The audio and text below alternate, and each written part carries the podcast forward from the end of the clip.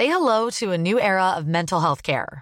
Cerebral is here to help you achieve your mental wellness goals with professional therapy and medication management support. 100% online. You'll experience the all new Cerebral Way, an innovative approach to mental wellness designed around you. You'll get a personalized treatment plan from a therapist, prescriber, or both in a safe and judgment free space. Your cerebral therapist or prescriber will outline a customized plan with clear milestones along the way so you can get to feeling your best. With Cerebral, you're not alone in your mental health journey. We're here to empower you to live a fulfilling life.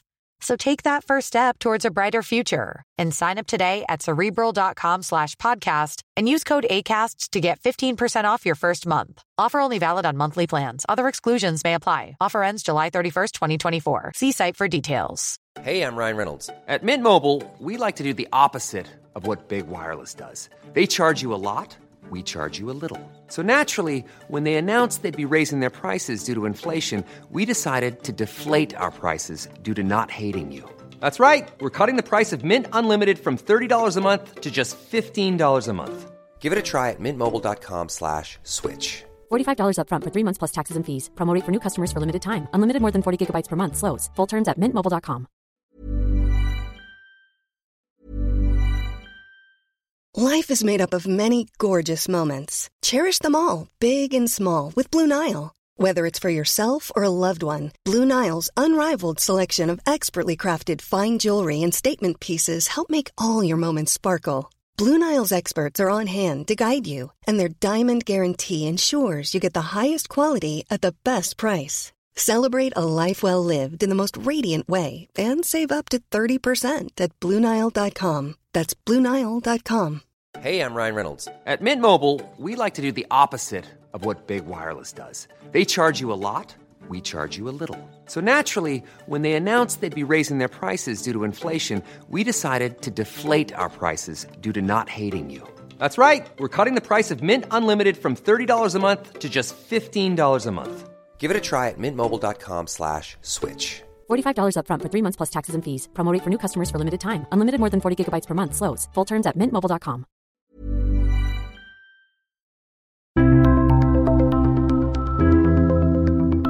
Havvind er en næring i sterk vekst og med et enormt potensial. Men konkurransen blir stadig sterkere. Kommer vi til å ta en ledende posisjon på dette feltet?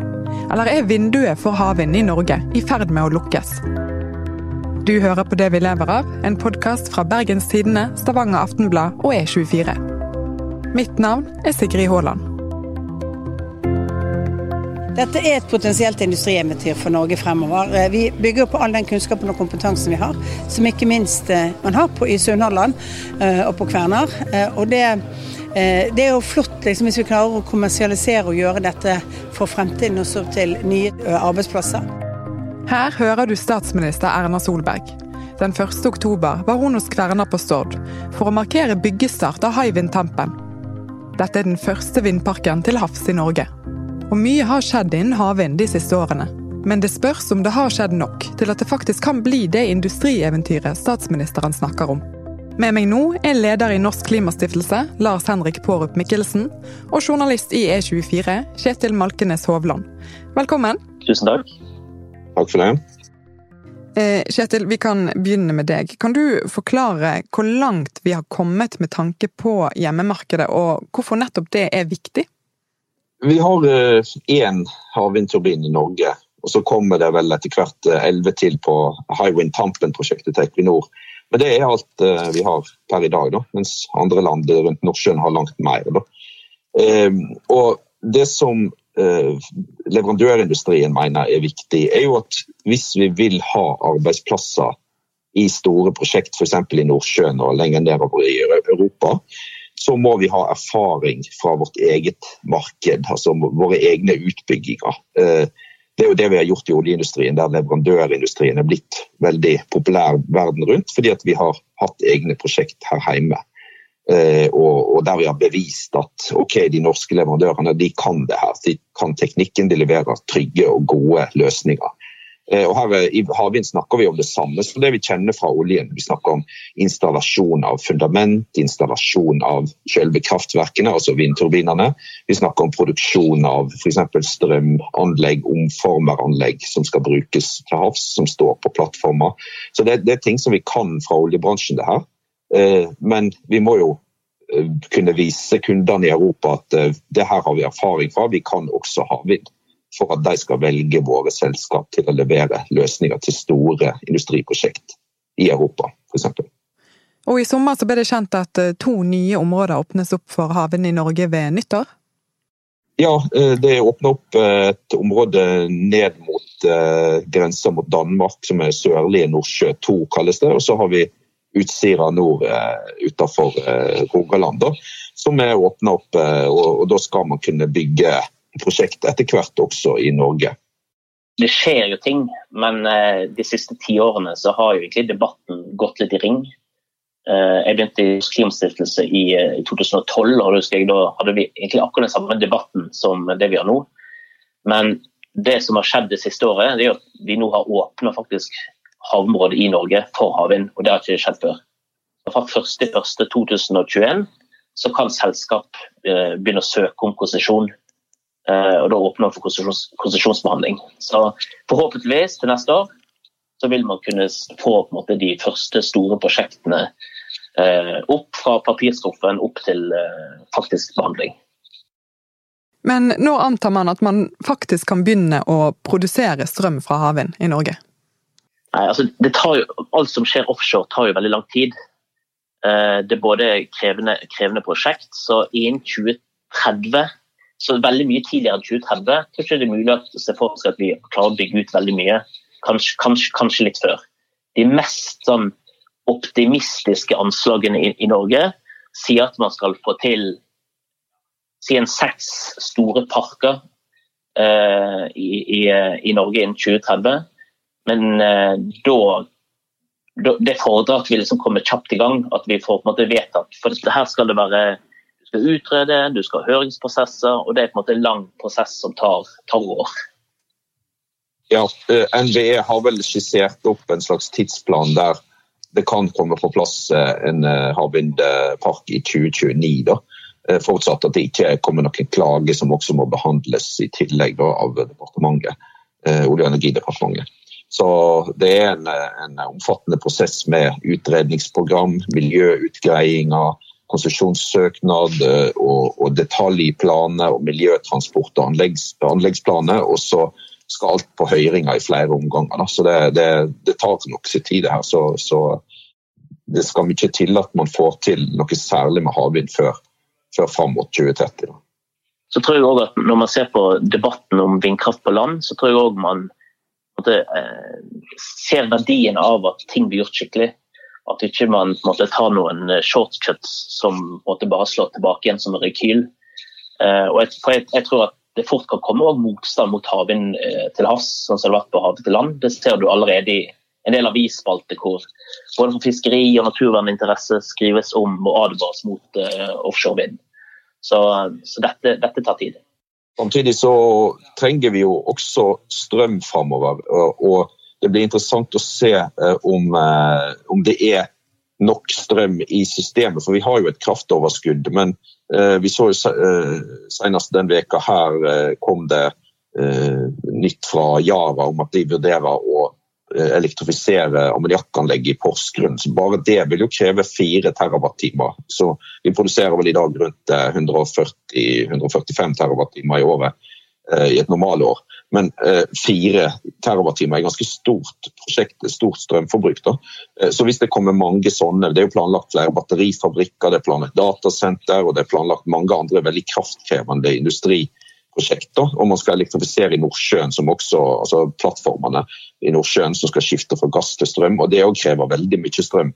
Så eh, hvis vi setter i gang en hel båte med klimatiltak som krever mye strøm, uten at vi bygger ut vindkraftverket på land eller til havs, så risikerer vi jo veldig høye priser, iallfall hvis det blir et tørrår i, i, vannkraften. sånn at det, kan, vannkraften kan bidra med mindre. Da. Så, så, da kan det plutselig være at vi får det veldig travelt ut på 2020-tallet hvis, hvis på en måte forbruksveksten skulle gå fortere enn en tilbudsveksten da, innen strøm. Så, så, det blir også en interessant side ved det her.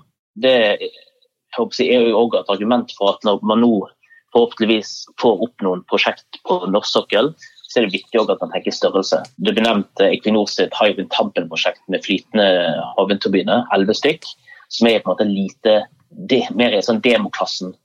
Men nesten, de neste prosjektene i Norge det må være i fullskala. Det er satt bare store parker. Og det er nettopp fordi det tar tid, så er det viktig at man tenker stort allerede nå.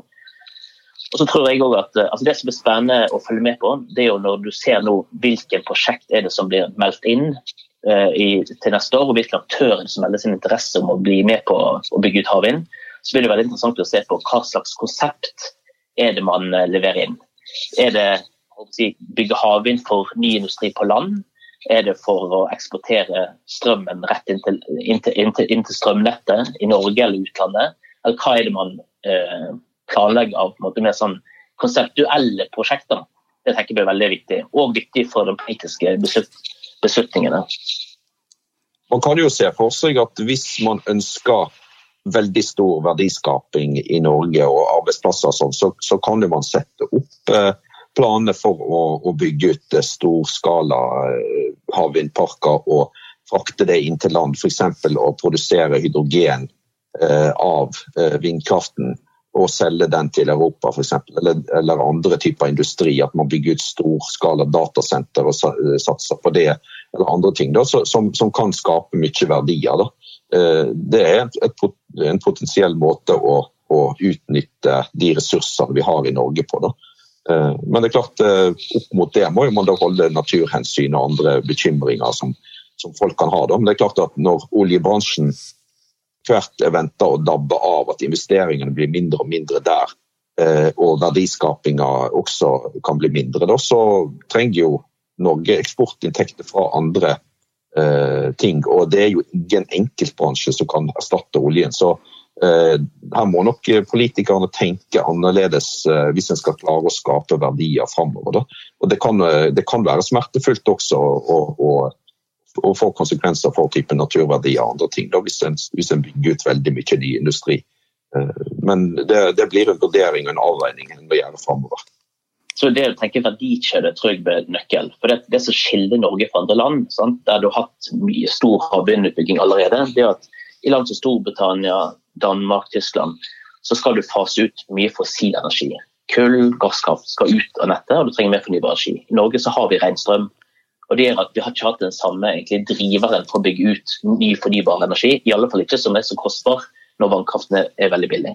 Så det å tenke på en måte nye, helt andre typer verdikjeder for norsk havvindutbygging, det tror jeg er essensielt. Og det som er interessant nå, Hvis du ser til Danmark, så planlegger de nå ikke bare en ny havvindpark innen 2030, men de planlegger også det de kaller for en energiøy. To energiøyer.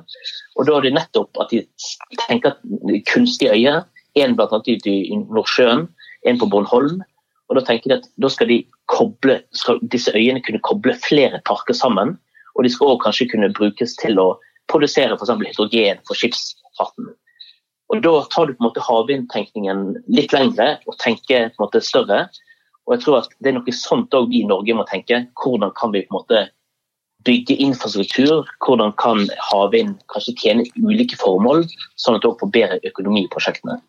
Og det som er interessant, tar du f.eks. det uh, Sørlige Nordsjø 2, som, som ble nevnt, som ligger veldig tett til Danmark, men også til Storbritannia og for så vidt Nederland og resten av kontinentet.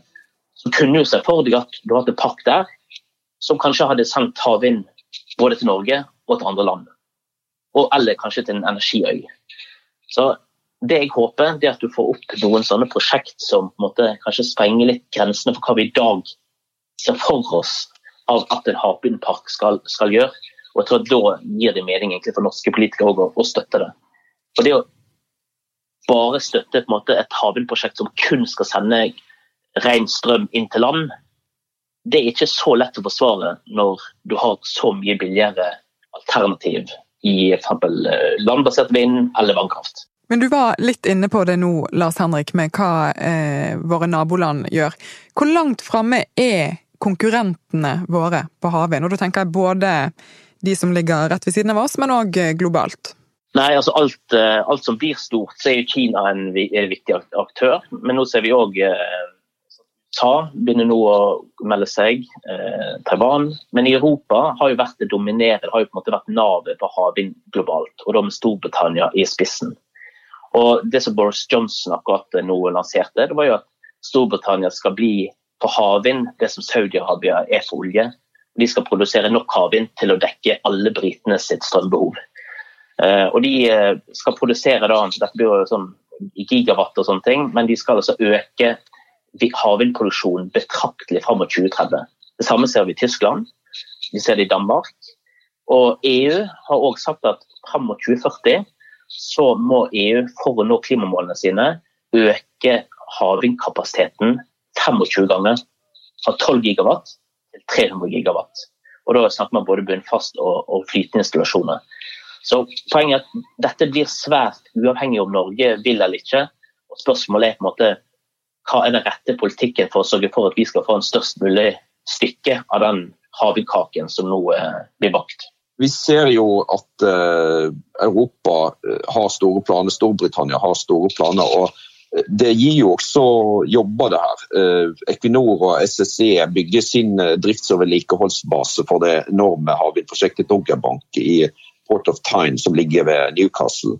Eh, og Da skaper de der hundrevis av lokale jobber. De skal ha også tre servicefartøy på den parken her, som skal da eh, vedlikeholde turbinene. Eh, og de skal ha ett fartøy for mannskapsbytte der. Og Det vil være mange tjenester som vil springe opp rundt de her enorme havvindparkene. For det skal vedlikeholdes, det skal være værtjeneste, det skal være alle mulige former for leverandørindustri. Det skal være sikkert type forsyning av mat og alt mulig sånt. Så, så, som vi kjenner igjen fra de norske oljebasene som, som leverer til oljeindustrien. Da. Så Britene har tenkt å skape titusenvis av jobber innen havvindindustrien og innen denne leverandørkjeden. Så, så det, det, er egentlig ganske likt med det som skjedde på, på 70-, 80-, 90-tallet med oljeindustrien. At du fikk veldig mange muligheter for, eh, for selskap som ville henge seg på den den enorme nye industrien som springer fram, og de enorme investeringene og milliardene som blir eh, dryssa ut i Nordsjøen nå. da. Og Det er akkurat det samme teknologi også i Danmark. Sant? De skal bygge ut havvind, men det er jo også fordi at de skal øke eksportinntektene sine fra grønn teknologi. Så de har jo et mål om å doble eh, ja, det de kaller for energiteknologi, eh, ekspor, altså eksportinntektene fra energiteknologi fra 70 til 140, minst 140 milliarder i, i 2030. Så dette her gjør jo de, de bygger ut i Danmark for å produsere mer strøm. Men Danmark er jo kommet til et punkt der de snart ikke trenger all den strømmen som disse havvindparkene produserer. Men da gjør de likevel, nettopp fordi at de ser at dette kan styrke deres konkurransesituasjon eh, i et voksende globalt marked. Så, så poenget er at det er ikke gitt at Norge kommer til å vinne dette løpet her. Eh, fordi at akkurat den diskusjonen vi har i Norge, den diskuterer de òg i våre naboland og i andre land i resten av verden. Og de har kommet enda lenger enn det vi har. Og så er det jo for Norges sin del veldig annerledes enn i mange andre land. Vi er, de, eh, vi er vel kanskje det eneste landet i hele Europa som er helt selvforsynt med energi. Vi har masse eh, vannkraft til eh, strømforbruket vårt. Eh, og vi har vindkraft på land, eh, stadig mer av det. Og vi har olje og gass i tillegg. Men det her ser jo veldig annerledes ut fra Tysklands side, f.eks., som, eh, som er en stor energiimportør. Importerer gass fra Norge og Russland, importerer kull, importerer olje. Og der det er en enorm importregning for energi hvert eneste år. Europa kjører jo ut hundrevis av milliarder av euro er det vel, som, som går ut i, i importregninger hvert år. Uh, og Det ser vi jo avspeiler. altså Mye av de inntektene har jo funnet veien inn i oljefondet. Så vi sitter på en stor haug med penger som egentlig europeerne har brukt fordi de ikke har egen energiproduksjon nok til å forsyne seg sjøl. Så fra deres side så er jo ikke noe interesse i å gjøre nordmenn rikest mulig. Uh, for tyskerne vil jo det være kjempegunstig, selv om det koster en del å bygge ut solkraft og vindkraft Eh, så blir det stadig billigere, og det blir stadig mer logisk for dem å bygge ut så masse de kan for å produsere kraften sjøl og lage hydrogen av det. Istedenfor å kjøpe norsk gass og norsk olje, f.eks. Og så er det jo Norges fordel det er jo at eh, de beste vindressursene, enten dette landet til havs, det finner man i, på, i vår område. Så det betyr, det betyr også at uh, si, den samme turbinen i, på, i norske farvann i veldig mange tilfeller vil produsere mer strøm enn den samme turbinen utenfor uh, andre land, fordi at det er bedre vindforhold. Så det gjør jo også at vi har et si, naturgitt kanskje kanskje konkurransefordel som vi bør, bør utnytte. Men så tror jeg òg at i Norge så bør vi som sagt nettopp fordi det poenget som nå blir tatt, sant? at vi trenger kanskje ikke all den strømmen eh, eh si, i Fastlands-Norge. Men det vi veldig ofte snakker om, det er f.eks. hydrogen. Vi snakker om ammoniakk som for drivstoff for uh, shipping. Og det som er med både grønn ammoniakk og grønn hydrogen, det er at de krever jo ekstremt masse strøm å produsere. Og vi kjenner konflikten eh, fra land med, med vindkraft, og og så vidt vannkraft òg. Og da kan du tenke seg at hvis vi skal bli en hydrogennasjon, produsere mye hydrogen basert på elektrisitet, så må den produseres et sted fra. Og Der kan òg hydrogen komme inn og spille en uh, rolle. Så, men jeg tror som sagt vi, vi, må tenke annerledes om havvind enn det som kanskje har vært det vanlige i veldig mange andre land som allerede har bygd ut mye havvind. Fordi at de kunne bare mate rett inn på strømnettet og hatt bruk for den der. Men hvor god tid har vi da, hvis, vi, hvis Norge skal ta en posisjon innen havvind, og dette faktisk skal bli et nytt uh, industrieventyr, som mange kaller det? Nei, Det viktige er at nå skal regjeringen komme med en veileder til, til våren, har de sagt. Og da, Den er jo allerede forsinka, den skal du egentlig kommet med før jul. Og Der skal de jo egentlig sånn, eh, skissere opp hvordan er det hvordan kan man på en måte behandle og prioritere de ulike si, søknadene eller prosjektene som industrien melder inn. Og Da er det jo veldig viktig at man eh, er veldig tydelige og får et godt politisk rigg, sånn at du faktisk får realisert disse eh, prosjektene. Så jeg tenkte vel at i 2021 så bør måte, vi ha, se på konturen av altså Få på plass, få på bordet egentlig de konkrete prosjektene som må utvikles og undersøkes nærmere. For Det som skjer, det at de første selskapene gjør, det er at de velger interesse, og så må de starte på en måte konsekvensutredning uh, av disse. Og Det tar tid, men da bør man egentlig det, altså starte den prosessen allerede tidlig, tidlig neste år. Men eh, tenker du at eh, toget er i ferd med å gå, eller at det på en måte allerede har gått? Ikke, det, det, er litt vanskelig, det er litt vanskelig å si, men jeg, men jeg tror at uh, når du ser på hva planer naboland uh, har, og hva de uh, konkret planlegger å bygge ut, så, så, tror jeg ikke vi kan gå et nytt, altså nye år og diskutere om og hvordan. Nå må vi på en måte få noen klare ambisjoner, og så må vi på en måte sette en politikk som, står i, som matcher de ambisjonene. Det kan jo for være som Arbeiderpartiet, SV og MDG de foreslo i Stortinget tidligere i år at Norge skal sette mål om tre gigawatt, si at det er seks store havvindparker innen 2030. Det vil være ambisiøst. Eh, men det kan være en måte å gjøre det på. Og så kunne du sagt at ok, og politikken skal støtte opp om en sånn utvikling. Men det som jeg tror er viktig, det er at du da ikke nå kanskje at du legger opp til en konkurranse om verdi. altså At du, du støtter på en måte de gode verdikjedene. Um, at du på en måte får en verdikjedekonkurranse i, blant industrien. For jeg tror hvis dette skal gi mening i Norge og støtte med mye penger, så må vi, så må vi som jeg har nevnt flere ganger, vi må tenke litt, litt, nytt og litt annerledes enn det resten av Europa har gjort. Det kom jo ingenting eh, i statsbudsjettet når det gjelder finansiering av eh, havvind. Eh, Regjeringa viste jo til at Enova-støtte er hovedvirkemidlet. Så spørsmålet er jo også hvordan vi skal klare å bygd ut noe havvind så lenge vi ikke trenger strømmen direkte, eh, med mindre vi vil sette i gang noen store industriplaner. Eh, for det krever fortsatt en god del eh, innsats, en god del støtte for å bygge ut det her. Så vi har jo sett rapporter fra Menon for eksempel, som antyder at hvis vi skulle bygge to vindparker på 500 megawatt, som er en ganske stor park, så vil det kreve subsidier på 36 milliarder kroner. Eh, det er kanskje litt høyt, men det gir en antydning av hva slags beløp vi snakker om. Eh, bransjeorganisasjonen for vindbransjen, Norvea, har jo sagt at eh, hvis, en, hvis regjeringen kunne gi 3-4 milliarder i året i støtte, så ville man kunne bygge ut en del havvind men det er klart det blir jo veldig vanskelig i en tid der budsjetter ikke lenger kan øke og staten har økende utgifter. Så det, det, det er krevende å skulle sette av så mye penger også. Så Det er fortsatt usikkert hvordan vi kan få finansiert det og kan få i gang en sånn bransje her, hvis ikke politikerne vil løfte noen veldig store visjoner og sette av veldig veldig store penger. da. Nå har vel Erna Solberg antyda man kan ikke forvente all verdens støtte. Så Da går jo også utfordringen til industrien sant, om å rett og slett å utvikle så gode prosjekt som krever minst mulig statlig støtte for, for å bli eh, realisert. Men det er klart at tar du bunn, nei, flytende, flytende havvind, så er jo det langt dyrere enn bunnfast. Og det er utenkelig at det kan bygges ut uten subsidier på mange, mange, mange, mange år. Så å ikke tenke politisk økonomisk støtte i det hele tatt, det er, uh, det er en illusjon. Men eh, samtidig så, så, så, må det være et mål at man bruker minst mulig av fellesskapets ressurser på å støtte utviklingen eh, finansielt.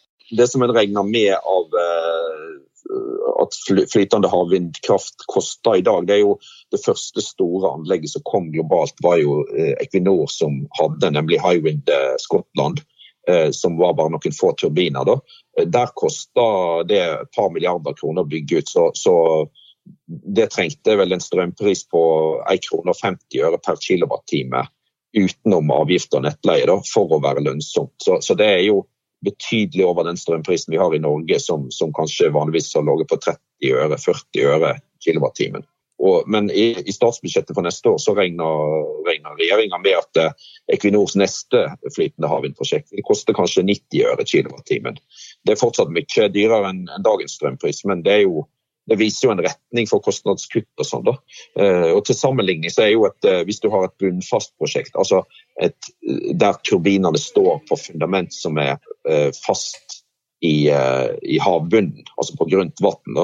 De beste av de prosjektene koster rundt 40 øre kilowattimen. Altså de trenger en strømpris på 40 øre for å være lønnsomme. Eh, mens vindkraft på land i Norge det er lønnsomt på rundt 30 øre kilowattimen. Som er omtrent det som har vært strømprisen de siste årene.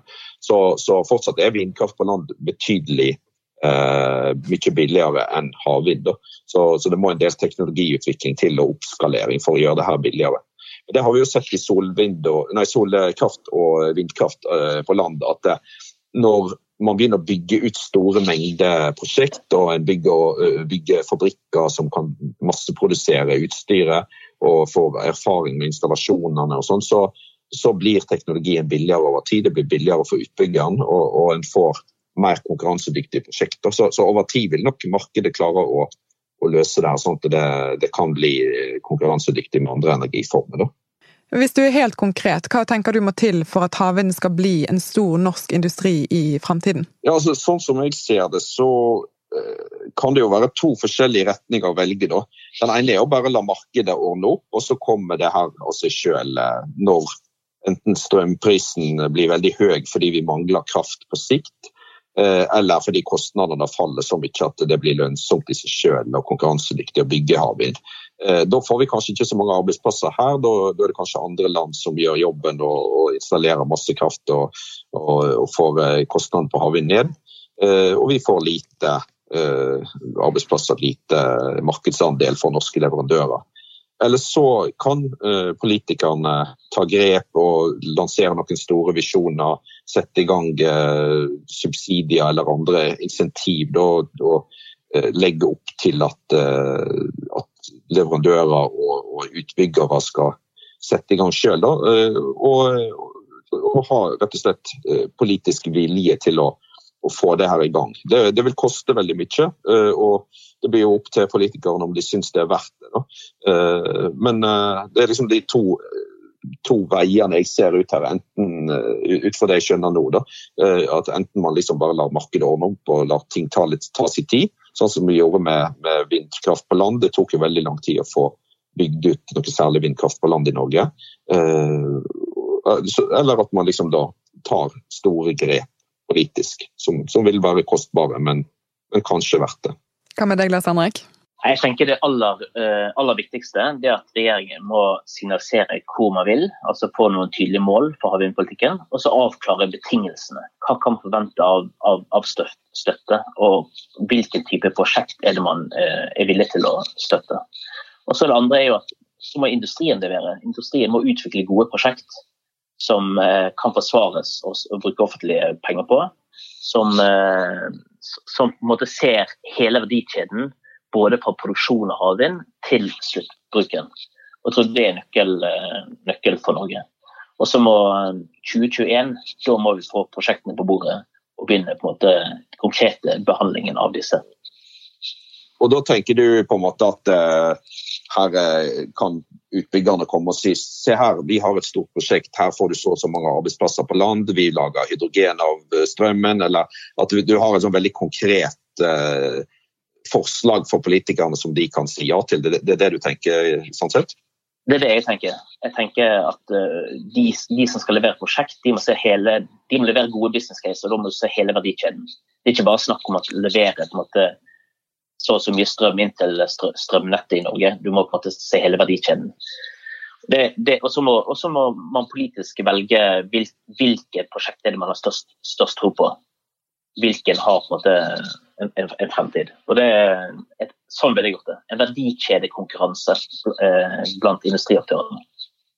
Ja, for da, da, ser du det nærmest som eh, sånn som vi har på oljeindustrien. Da, at, eh, vi har jo sett mange plasser, om det er Sandnessjøen eller Hammerfest eller andre plasser, at når oljebransjen kommer der, så skal ikke de bare bygge ut et felt. De skal også komme med, med, lokale leverandørindustrijobber. Og at eh, de, de, de, har en hel virksomhet rundt. At det ikke bare er ett prosjekt som skal levere ressurser og eksportverdier til verden, men det skal det skal rett og slett også bidra lokalt og nasjonalt til verdiskaping og arbeidsplasser. Ja, men så, for det, det, som et havvindprosjekt i Norge må kunne svare på, det er jo hva skal du gjøre med strømmen.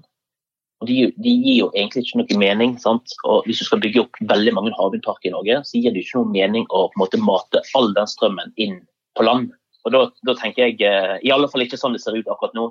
Men da tenker jeg at da må du på en måte tenke ut på sluttbruken. Det kan godt være at noen tenker at vi skal bare mate inn på nettet, det er greit nok. Men det kan òg være at noen tenker at oi, her skal vi bygge opp eh, eh produksjonsanlegg for grønn ammoniakk eller, eller, grønn hydrogen. Eller vi har en avtale med Nederland eller Danmark eller hva det måtte være.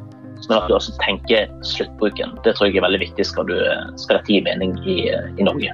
Takk for at dere var med, Lars Henrik Pårup Mikkelsen og Kjetil Malkenes Hovland. Sjøl takk.